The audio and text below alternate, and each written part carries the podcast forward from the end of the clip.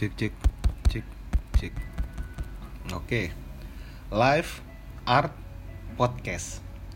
Tidur subuh di sini. Ah, siapa tidur subuh itu? Tidur subuh adalah makhluk peranakan macan tutul dan lumba-lumba yang sudah berumur 24 tahun dan sekarang bekerja di eh, salah satu PT lah. Tadinya startup eh, di eh, Bali. Ya udah. Lumayan lama sebelumnya nganggur ya. Dan bakal gue jelasin juga kenapa gue bisa nganggur lama dan segala macamnya. Oke jadi di podcast pertama ini yang mau kenapa live art podcast karena gue mau ngejelasin si soal live dan soal art terutama dari sudut pandang gua gimana ngejalanin si hidup ini dan sudut pandang gua gimana ngelihat seni yang selama ini gua geluti juga gitu. Oke, bakal gua jelasin satu-satu dari live yang artinya udah kehidupan deh gitu. Oke, jadi kalau mau ngomongin kehidupan personal gua, gua itu hidup di dunia 90s. 90s banget. Jadi wah banyak banget uh, kesenangan-kesenangan zaman dulu yang sekarang udah nggak ada lagi sih. Sulit sulit dicari. Oke gue mau cerita nih ya. Mulai dari zaman gue SD nah jauh banget nih flashbacknya. Tapi nggak apa-apa biar pada tahu juga. Gua itu SD di salah satu kota di Sumatera. Jadi ya SD ini nggak terlalu banyak sih yang terjadi ya. Kayak waktu itu dari sisi sekolah gue sekolah di salah satu sekolah militer yang lumayan besar. Yang di zaman itu lo nggak bisa ngapa-ngapain ke guru lo karena guru itu selalu benar. Dan memang benar ajaran mereka itu sampai sekarang masih ada lah kayak disiplinnya walaupun nggak terlalu lagi tapi masih banyak yang nyangkut deh gitu. Dan di SD ini juga gue mulai kenal sama seni dari rumah dulu. Seninya itu seni musik dan gambar. Jadi gue memang senang musik karena bokap nyokap gue demen musik juga jadi bokap gue itu alirannya lebih ke ke rock progressive rock. Band favoritnya itu Pink Floyd. Mungkin nanti bakal gue bikin juga podcast khusus Pink Floyd ya. Uh, dan nyokap gue itu evergreen love song. Jadi dulu tuh kalau gue bangun tidur tuh gampang. Untuk tahu siapa yang bangun pertama di rumah itu waktu gue bangun udah ada yang nyetel musik tuh pasti tuh. Kalau lagunya evergreen love song berarti nyokap gue bangun duluan kalau lagunya udah pagi-pagi udah rock-rockan udah wah berjuang udah udah udah udah udah udah bokap gue pasti bangun duluan. Gitu. Oke balik lagi ke sekolah. Di sekolahan militer itu di zaman itu juga bullying itu kerap terjadi ya. Sering terjadi lah. Dan gue nggak menampik gue salah satu pelaku bullying juga dulu salah satu korban juga. Jadi bullying ini udah berlaku ke, dari atas dan berlaku ke bawah gitu loh. Jadi uh, adalah budaya menurunnya gitu dari si bullying ini. Sering lah ngebully-ngebully adik kelas atau bahkan teman seangkatan. Tapi nggak jarang juga dibully sama kakak kelas atau bahkan sama teman seangkatan juga gitu dan bullying bener-bener bullying ya. Bukan bukan bercanda atau gimana. Jadi ya bullying itu udah ada dari kita kecil sih ditanemin. Tapi itu memang ada di beberapa sekolahan yang mungkin secara nggak langsung memang banyak juga. Karena senioritas itu mengakar di sekolah-sekolahan tersebut. Apalagi waktu di sekolahan gue itu nggak tahu kenapa ya memang itu budaya yang mengakar lah gitu tapi gue nggak nanggepinnya maksudnya gue waktu itu melakukan bullying bukan dalam kadar mau uh, hebat-hebatan gitu enggak sih. Gue lebih ke uh, apa ya bercanda. Tapi ya memang ada beberapa yang keterlaluan. Tapi memang ya seperti itulah adanya pada waktu itu. Jadi kalau cara terbaik stop bullying ya stop bullying dari waktu zaman mereka kenal bullying. Jadi uh, mungkin gimana ya pesannya ya? Bullyingnya itu uh, lo nggak usah bales deh gitu atau gimana ya? Ah nanti deh skip skip skip skip. Banyak banget nih yang mau diomongin kalau soal bullying. Bakal gua rangkum nanti jadi satu juga soal bullying nih nah di SD ini karena gua 90s nih gue mau ngomongin masalah style style gue itu gue pakai rambut mohak gitu kan tapi waktu nggak upacara boleh mohak tapi waktu upacara rambut lo harus turun cuy bener-bener turun nggak ada tuh yang namanya uh, mohak-mohak lagi upacara bisa-bisa digampar lo sama gurunya Terus apalagi zaman-zaman SD tuh? Oh, main. Jelas. Mainannya banyak banget. Dari apa tuh ya? Zaman itu Tamiya sih yang paling gilanya. Tamiya, terus baru-baru zaman SD itu PS2 keluar. Zaman zaman itu deh. Main yang paling gua suka tuh main bola dulu. Jadi ngomongin bola nih, dulu itu SD tuh mainnya masih di lapangan besar. Belum ada lapangan-lapangan futsal di tempat gua sana ya belum ada futsal sama sekali masih main di lapangan gede bareng wah rame banget. Bisa nggak kebagian main gara-gara saking ramenya orang. Terus juga nah ngomongin seragam ini dulu seragam main bola. Dulu karena gue paling ngefans sama sampai sekarang masih ngefans sama satu klub bola namanya Liverpool. Jadi gue ngoleksi beberapa uh, jersey deh dari Liverpool.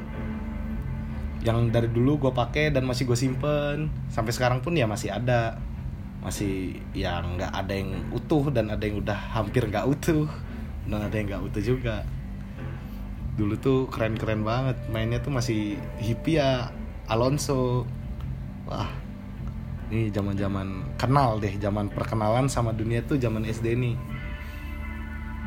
Terus abis itu kita jam ke SMP wah SMP ini mulai ganti kultur dari yang sekolah gue militer swasta gue masuk ke sekolah negeri yang di mana orang-orangnya itu lebih beragam lagi.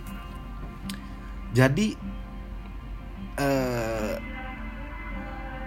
wah makin besar deh yang namanya uh, proses nyari kultur yang pas atau kita sebutnya nyati uh, jati diri kali ya. Nah dari kalau zaman dulu itu SMP-nya bullying masih ada tetap tetap bullying dari atas ke bawah tetap ada. Dari dari wah dari senior ke ke gua dari gua ke angkatan gua ke bawahnya itu masih bener-bener terjadi. Terjadi banget. Dan malah lebih parah dibanding SD karena udah mulai yang bullying tingkat serius. Karena kebawa-bawa juga dari SD-nya mungkin itu bullyingnya yang udah ke fisik ngerahnya udah ah udah parah mulai. Dan gue bener-bener yang salah satu pelaku dan salah satu korban juga. Jadi gue tuh kalau dari dulu buat gue pribadi nggak pernah ngambil pusing. Karena di zaman gue pun rata-rata banyak orang yang pelaku bullying tapi dia korban bullying juga. Jadi nanti bakal gue bahas juga nih soal bully nih. Kita jadiin satu aja deh kita rangkum. Terus ngomongin SMP style. Wah style nih. Gila nih. Nah zaman SMP ini gue kelas 1 masuk itu gue uh, karena sebelumnya gue udah denger denger musik dan gue udah les musik juga sebelumnya waktu SD dari SD sampai SMP gitu kan. Nah mulai ketemu karena lebih beragam lagi teman-temannya dari semua SD waktu itu. Karena SMP gue waktu itu negeri salah satu yang lumayan favorit juga. Jadi waktu itu gue ngeband. Band pada saat itu alirannya yang popang yang screamo yang metal. Karena pada saat itu itu zamannya. Bener-bener jadi style gue terpengaruh sama si gaya musik ini. Gue lebih pakai celana pensil pensil ya kan? Gue udah wah zaman zamannya sepatu skate terus main skate terus wah punya MySpace itu di keren kerenin banget gitu. Wah keren banget deh. Terus dulu gue nggak punya Friendster jadi gue nggak bisa cerita banyak soal Friendster karena bener-bener gue nggak main Friendster. Gue dulu mainnya uh, MySpace karena lebih ke musik juga. Waktu itu gila banget musik yang ternyata sampai sekarang gila di musiknya. Terus waktu zaman SMP itu ah pertama kali ngerokok juga. Di zaman SMP dikenalin sama senior senior.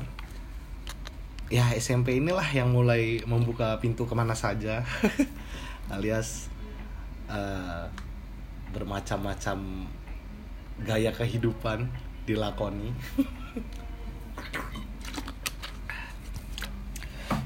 Jadi gue tuh ngeband ngeband banget terus punya pacar pertama SMP dapat gara-gara dari nonton gue band dulu zamannya pensi ke sekolah-sekolah lain.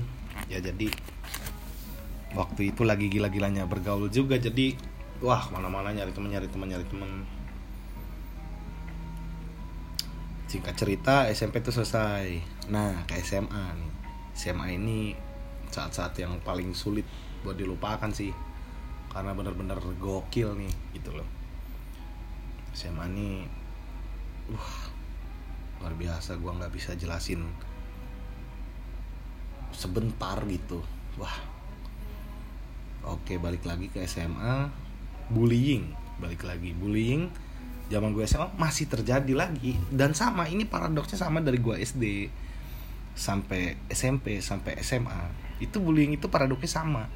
Dari senior dulu ngebully lo atau angkatan lo dan angkatan lo atau lo ngebully ke angkatan bawah lo bener-bener budaya men. Ini bener-bener wah budaya banget.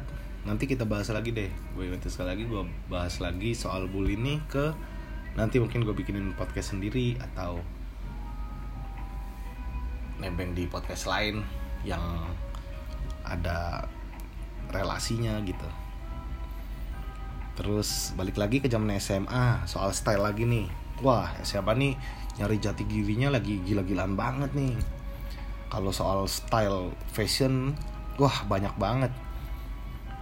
Dari wah dari zamannya hooligans yang pakai track top apa parasut gitu kan. Terus pakai sepatu-sepatu clubbers yang Adidas yang gitu hooligans banget lah pokoknya iya terus yang ngoleksi-ngoleksi jersey-jersey ngoleksi-ngoleksi baju yang kayak weekend offender gitu-gitu. Terus abis itu pindah lagi. Pindah ke style-style anak gunung tuh pakai ke sekolah pakai tas yang Jack Wolfskin yang sepatu-sepatu gunung gitu. Terus gondrong-gondrong tanggung yang kalau ujian pasti nanti besoknya gundul. Karena dikena razia di hari pertama ujian itu udah pasti kena tuh. Anak-anak gondrong tanggung nih. Nah masalah SMA ini juga kenapa gue bilang nggak bisa dilupain? Karena kalau gue pacaran mulai gila pacaran itu SMA gue punya SMA itu gue cuma dua kali pacaran.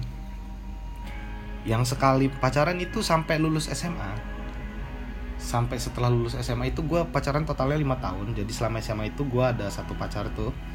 Dan kenapa gue bilang gue dua kali pacaran? Jadi gue pernah putus sama pacar gue yang lima tahun ini terus gue pacaran sama ada lagi si, si cewek ini.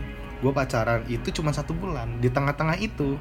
Jadi gue sempat break sekitar sebulan setengah dan gue benar-benar pacaran sebulan sama cewek ini gitu. Tapi selebihnya sih gue lebih lama ngabisin waktu sama yang pacar lima tahun ini gitu loh.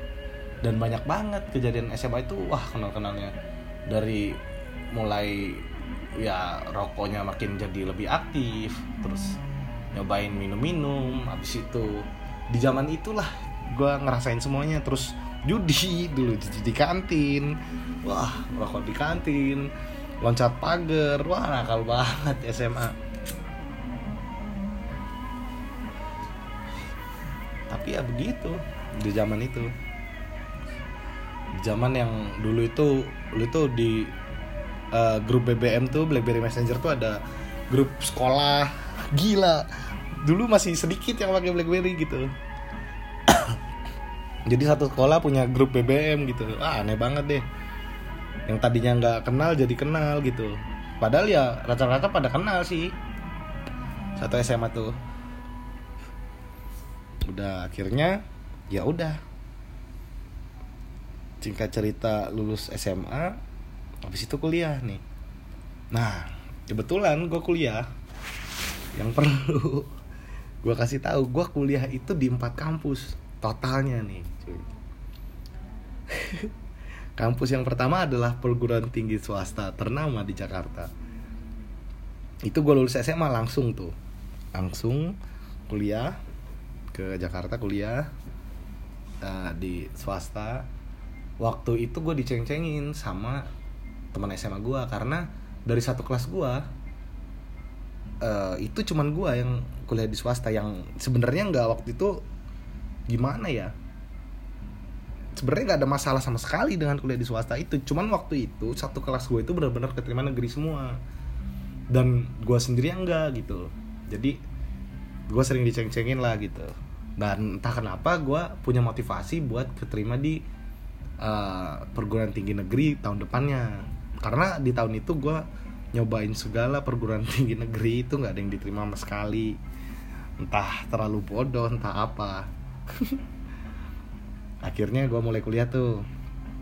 Dan di kuliah ini kita balik lagi ke bullying itu nggak terjadi sama sekali. Nggak terjadi sama sekali. Jadi gue masuk ke perguruan tinggi swasta terkenal ini terus gak terjadi bullying sama sekali. Yang di mana gue udah siap-siap tuh buat bullying yang orangnya lebih beragam lagi seniornya pasti lebih beragam tapi itu nggak terjadi sama sekali. Jadi skip soal bullying di yang ini karena nggak terjadi sama sekali bullying. Terus kita ngomongin style. Wah balik lagi ke style nih di zaman pertama kali kuliah nih. Wah kemasukan beragam style nih beragam wah proses nyari jati diri dalam berpakaiannya tambah gila lagi. Dari yang mulai nyoba gaya-gaya vintage yang pakai-pakai uh, Doc Mart yang wah vintage banget kebut terus celana yang cutbray gitu-gitu. Wah terus abis itu ke zamannya lompat lagi dari vintage itu ke hippies. Hippies waktu itu lumayan baju komprang-komprang bunga-bunga ya kan flamboyan ikat-ikat kepala terus celana yang lebar-lebar. Wah ini seru banget juga sih waktu itu. Terus abis itu mulai itu kenal nama sneakers mulai wah mulai ngoleksi ngoleksi sneakers. Walaupun gue udah ngoleksi sneakers dari SMA udah dari SMP malah. Gue memang doyan sepatu. Nyokap gue juga kalau sepatu tuh oke okay, gitu. Entah kenapa nyokap gue demen sepatu juga dan ya gaya gue waktu itu sneaker boy banget juga pernah waktu kuliah tuh. Bener-bener yang wah anak sepatu banget deh. Bajunya aja foto sepatu terus ya ke sepatu sepatuan deh. Habis itu ternyata setelah pencarian jati diri yang banyak itu ujung-ujungnya di zaman kuliah ini balik lagi ke casual. Memang bener-bener yang celana jeans sneakers kaos udah balik lagi ke yang kayak gitu nggak bakalan lagi yang ribet-ribet gitu entah kenapa tuh. Oke singkat cerita itu kampus gue yang pertama tuh. Terus kampus yang kedua tuh? Nah gue kan karena teman-teman gue ngecengin gue semua tuh gue tuh ada motivasi. Gue belajar tuh belajar bener-bener belajar. Habis itu keterima di perguruan tinggi negeri di Bandung yang benar-benar terkenal banget. Dan gue keterima di situ di tahun kedua. Dan akhirnya gue pindah. Setelah beberapa uh, negosiasi lah dengan orang tua gue waktu itu. Karena fakultas yang gue ambil itu lumayan lumayan segmented banget. Bahwa gue udah ngomongin soal itu. Tapi ya bokap gue akhirnya ya udah karena gue yang mau ngejalanin ya udah. Gue tetap disupport buat kuliah di situ. Dan akhirnya di situ ya gue karena udah nemuin jati diri gue gue casual dan gue tetap suka musik dan gue akhirnya mulai ngeband lagi di kampus ini. Wah ini udah bener-bener gila nih. Temu beberapa teman mainin lagu rock mainin lagu ambient buat kampus. Pada saat itu yang gue rasain itu besar kepala.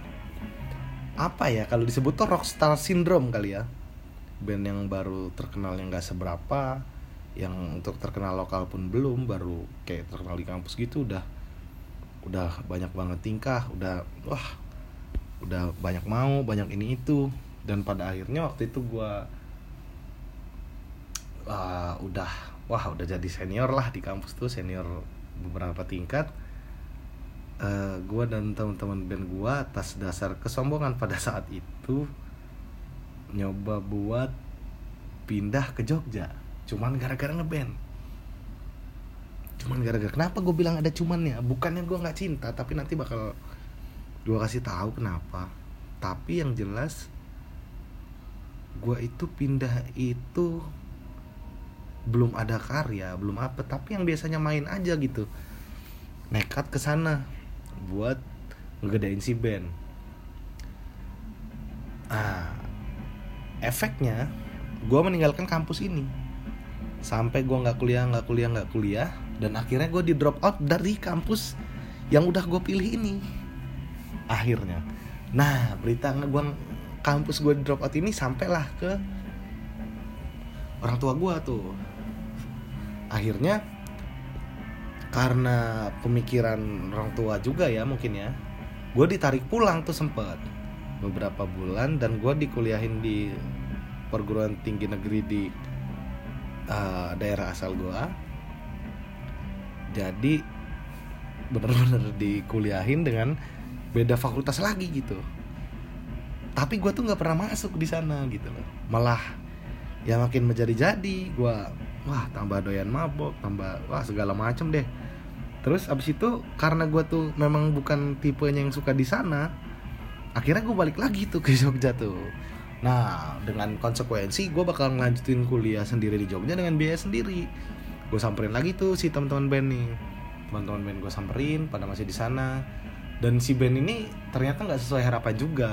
Band ini nggak berkembang karena uh, gimana ya? Jogja ini bukan tempat buat menurut opini gue Jogja ini bukan tempat si band ini buat uh, berkembang secara band. Jadi Jogja ini tempat si band ini belajar yang lebih ke individunya lebih ke player-playernya ini untuk belajar uh, ningkatin skillnya gitu. Bukan tempat buat lo jadi untuk komersil atau buat tempat lo jadi terkenal gitu enggak sih. Karena di situ band banyak banget segala aliran. Dan kalau Jogja tempat belajar itu tepat banget. Hal-hal yang gue pelajarin itu banyak banget tuh di Jogja tuh. Bener-bener wah bener-bener keren deh gitu loh. Abis itu ya gue tetap ngeband dari kafe ke kafe dengan bayaran kecil. Dan akhirnya waktu itu duit itu kekumpul buat gue daftar kuliah di perguruan tinggi swasta juga di sana di Jogja salah satu perguruan tinggi swasta. Ah karena gue tuh harus bayar sendiri dengan konsekuensi segala perkuliahan gue yang carut marut hancur ya gue harus ngimbangin dengan kerja. Nah karena sebelumnya dari SMA gue udah uh, bantu bantuin io segala macem. Dan di kampus sebelumnya gue udah ada basic di radio waktu gue di Bandung gitu nah itu waktu di Jogja gue nggak seberapa kesulitan sih cari kerja. Maksudnya uh, gue udah lebih luas udah lebih cakep kalau ngomong ke orang gitu. Akhirnya gue dapet kerjaan di salah satu PT besar juga sih di uh, Indonesia. Dan waktu itu mencukupi buat gue tuh si kuliah ini. Dan hidup gue pada saat itu yang artinya gue mulai pada saat itu gue tuh udah stop bener-bener keuangan dari orang tua itu udah bener-bener di stop terus akhirnya di Jogja kuliah sambil kerja dan kuliahnya akhirnya keteteran lagi. Karena kalah sama kerja lagi kerjaannya pasti lebih sibuk. Event di sana event di sana event di sana. Dan gue harus mobile ini ke event-event gue ke Jakarta gue ke Bandung gue ke Bali buat event. Ya jadi keteteran lagi balik lagi kuliahnya. Akhirnya gue mutusin buat uh, resign kuliah jadi nggak masuk email suruh bayar SPP lagi. Gue resign akhirnya gue mutusin buat ya udah. Memang uh, ah, gue bukan orang yang tercipta buat jadi degree karena society. Jadi uh, bukannya gue nggak nge mau ngebuat orang tua bangga juga sama gue soal uh, degree ini yang di mana itu penting deh kalau buat beberapa orang tua tapi gue lebih mikirnya ke ini si degree ini nggak gue pakai juga nantinya. Dan gue bisa melakukan hal lain yang lebih di luar uh, persepsi degree ini gitu loh. Jadi gue putusin buat cabut kuliah. Dan pada saat itu gue cabut band juga yang gue di mana gue mutusin gue udah nggak mau main musik lagi juga. Karena bener-bener wah di Jogja udah berat banget. Bener-bener akhirnya band itu nggak laku akhirnya band itu bubar dengan segala drama-dramanya. Terus gue putus sama cewek gue juga. Akhirnya ya sudah gue selesai. Gue cuman kerja aja tuh. Habis itu gue berhenti kerja. Gue mutusin untuk berhenti kerja. Dan akhirnya gue mutusin diri itu buat terjun di dunia seni yang di mana dari dulu memang gue suka yaitu gambar yang bener-bener gue bener-bener terjun.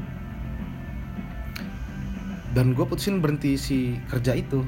Jadi gue terjun ke dunia seni gue gambar gue belajar uh, ngembangin lagi ningkatin skill gambar ke mana-mana.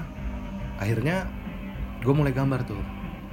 Menghasilkan uang yang lebih besar daripada ngeband tapi belum cukup juga buat uh, hidup gue saat itu jadi gue putusin buat uh, uh, apa ya migrasi. Akhirnya gue putusin buat migrasi ke Bali. Ya sekarang gue di Bali. Jadi gue sebelum ke Bali tuh gue di Jogja sempat nganggur dulu setengah tahunan dan gue ya bantu-bantu ada temen gue punya homestay dan apa deh gue bantuin gitu untuk dapat duit di luar si gambar ini kalau gambarnya lagi sepi. Akhirnya di Bali awalnya itu gue tuh nggak pengen pindah ke Bali. Jadi gue liburan ke Bali yang ternyata liburan ini jadi lebih lama dari yang gue bayangin. Liburan gue ini jadi dari yang gue niatnya cuma dua minggu akhirnya sampai sekarang udah udah mau dua tahun. Bener-bener di Bali. Uh, akhirnya gue uh, 8 bulan pertama gue keliling-keliling yang gue cuman gambar gambar kerjaan gue gambar. Duit gue cukup karena di Bali untuk seni itu lumayan dihargain. Apalagi buat seni gambar gue sering gambar di kafe-kafe. Gue sering gambar di buat iklan. Gue sering wah sering-sering lumayan buat desain tato malah pernah juga. Habis itu uh, eh, gue mulai tuh kesulitan setelah uh, ah sepi job deh dan banyak drama juga.